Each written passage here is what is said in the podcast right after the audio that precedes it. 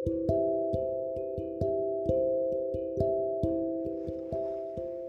teman, aku Hani. Seringkali kita menggebu-gebu pada suatu awal lembaran baru. Saat kerikil mulai menghentikan langkah, lukanya terasa begitu pedih. Keraguan, ketakutan, dan ketidakpercayaan terhadap diri mulai menghantui. Coba pejamkan mata dan ingat bahwa banyak harapan dan mimpi yang menantimu. Jika sekarang masih belum bisa, maka coba lagi.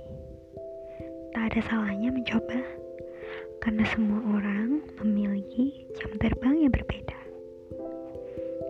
So don't give up. Whatever happens, don't give up. Because every human being is a warrior for himself.